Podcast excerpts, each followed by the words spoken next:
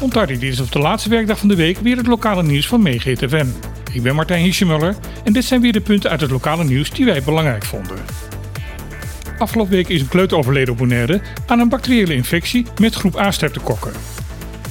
Dit is een groep aan bacteriën die veel voorkomt bij mensen en normaal gesproken levert dat geen grote problemen op. Het kan bijvoorbeeld keelpijn, amandenontsteking of rode vlekjes opleveren. De bacterie staat ook bekend als roodvonkbacterie en is goed te behandelen met antibiotica. Veel mensen hebben de bacterie bij zich zonder dat zelfs te merken.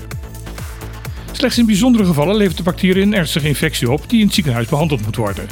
Dit is dus het geval geweest met de kleuter die nu helaas is overleden. Dat de bacterie daarbij flink besmettelijk is, blijkt uit het feit dat nog twee andere leden in hetzelfde gezin met ernstige streptokokkenbesmetting in het ziekenhuis zijn opgenomen. Het vermoeden bestaat dat het hier gaat om een variant van de bacterie die gevaarlijker is dan normaal. Om besmetting te voorkomen zijn ongeveer dezelfde maatregelen nodig die we nog van de COVID-crisis kennen. Dus afstand houden, hoesten en niezen in de elleboog en vaak je handen wassen.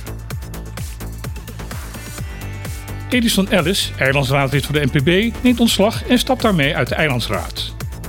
Of deze terugtreding tijdelijk is en wat de reden is voor deze stap, heeft Ellis tijdens de afscheidsspeech niet expliciet verduidelijkt. Wel heeft hij de eilandsraad opgeroepen om tijdig beslissing te nemen, zodat er geen gemeenschapsgeld ongebruikt in laden blijft liggen. Er is niet bekend als een raadslid dat vaak het woord voerde, maar zoals hij zelf zegt, het gaat meer om samenwerking en vragen stellen aan anderen en dat op een respectvolle wijze. Hij benadrukt ook dat hij het jammer vindt dat de laatste tijd processen gecreëerd zijn om besluiten van de raad uit te stellen. Dat staat volgens hem een beter bestaan voor de bevolking van het eiland in de weg. Ellis memoreerde ook aan de coronacrisis die het eiland afgelopen jaren in zijn greep heeft gehouden. In dat kader complimenteerde hij gezaghebber Edison Reina met de manier waarop hij gedurende die tijd leiding heeft gegeven aan de eilandsgemeenschap.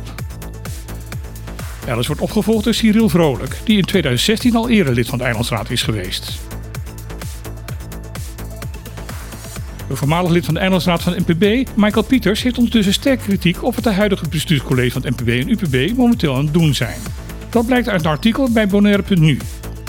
Pieters noemt de aanpak van de coalitie een totaal gebrek aan transparantie.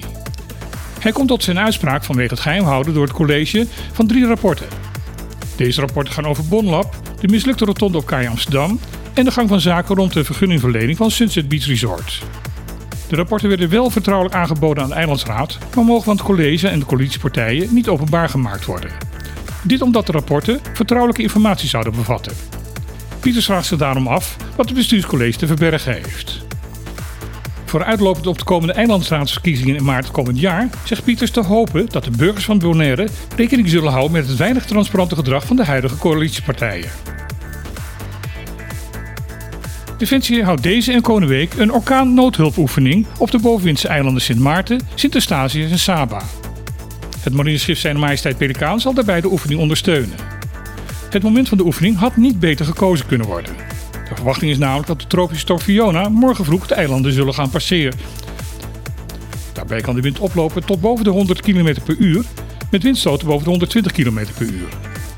De eerste effecten van de storm zullen waarschijnlijk al vanmiddag merkbaar zijn. Alle scholen op Sint Maarten zijn vandaag daarom gesloten en de premier van het eiland heeft de bevolking opgeroepen om binnen te blijven. Volgens meteorologisch Fiona wat kracht betreft te vergelijken met de tropische storm Gonzalo die in 2014 over de eilanden trok. Ook op Bonaire zal de passage van Fiona te merken zijn. De verwachting is dat de wind hier volledig zal wegvallen en dat de gevoelstemperatuur flink omhoog zal gaan. Dit was de laatste nieuwsuitzending op MegaTFM van deze week. Morgen is weer op te klippen. We hopen dan dat alle vaste presentatoren van het programma weer het ziekbed hebben kunnen verlaten. Wie de gasten zijn is nog niet helemaal duidelijk, maar het zal zeker weer een interessante uitzending gaan worden. Mocht u morgen tussen 12 en 2 gaan luisteren, graag tot dan en anders tot maandag.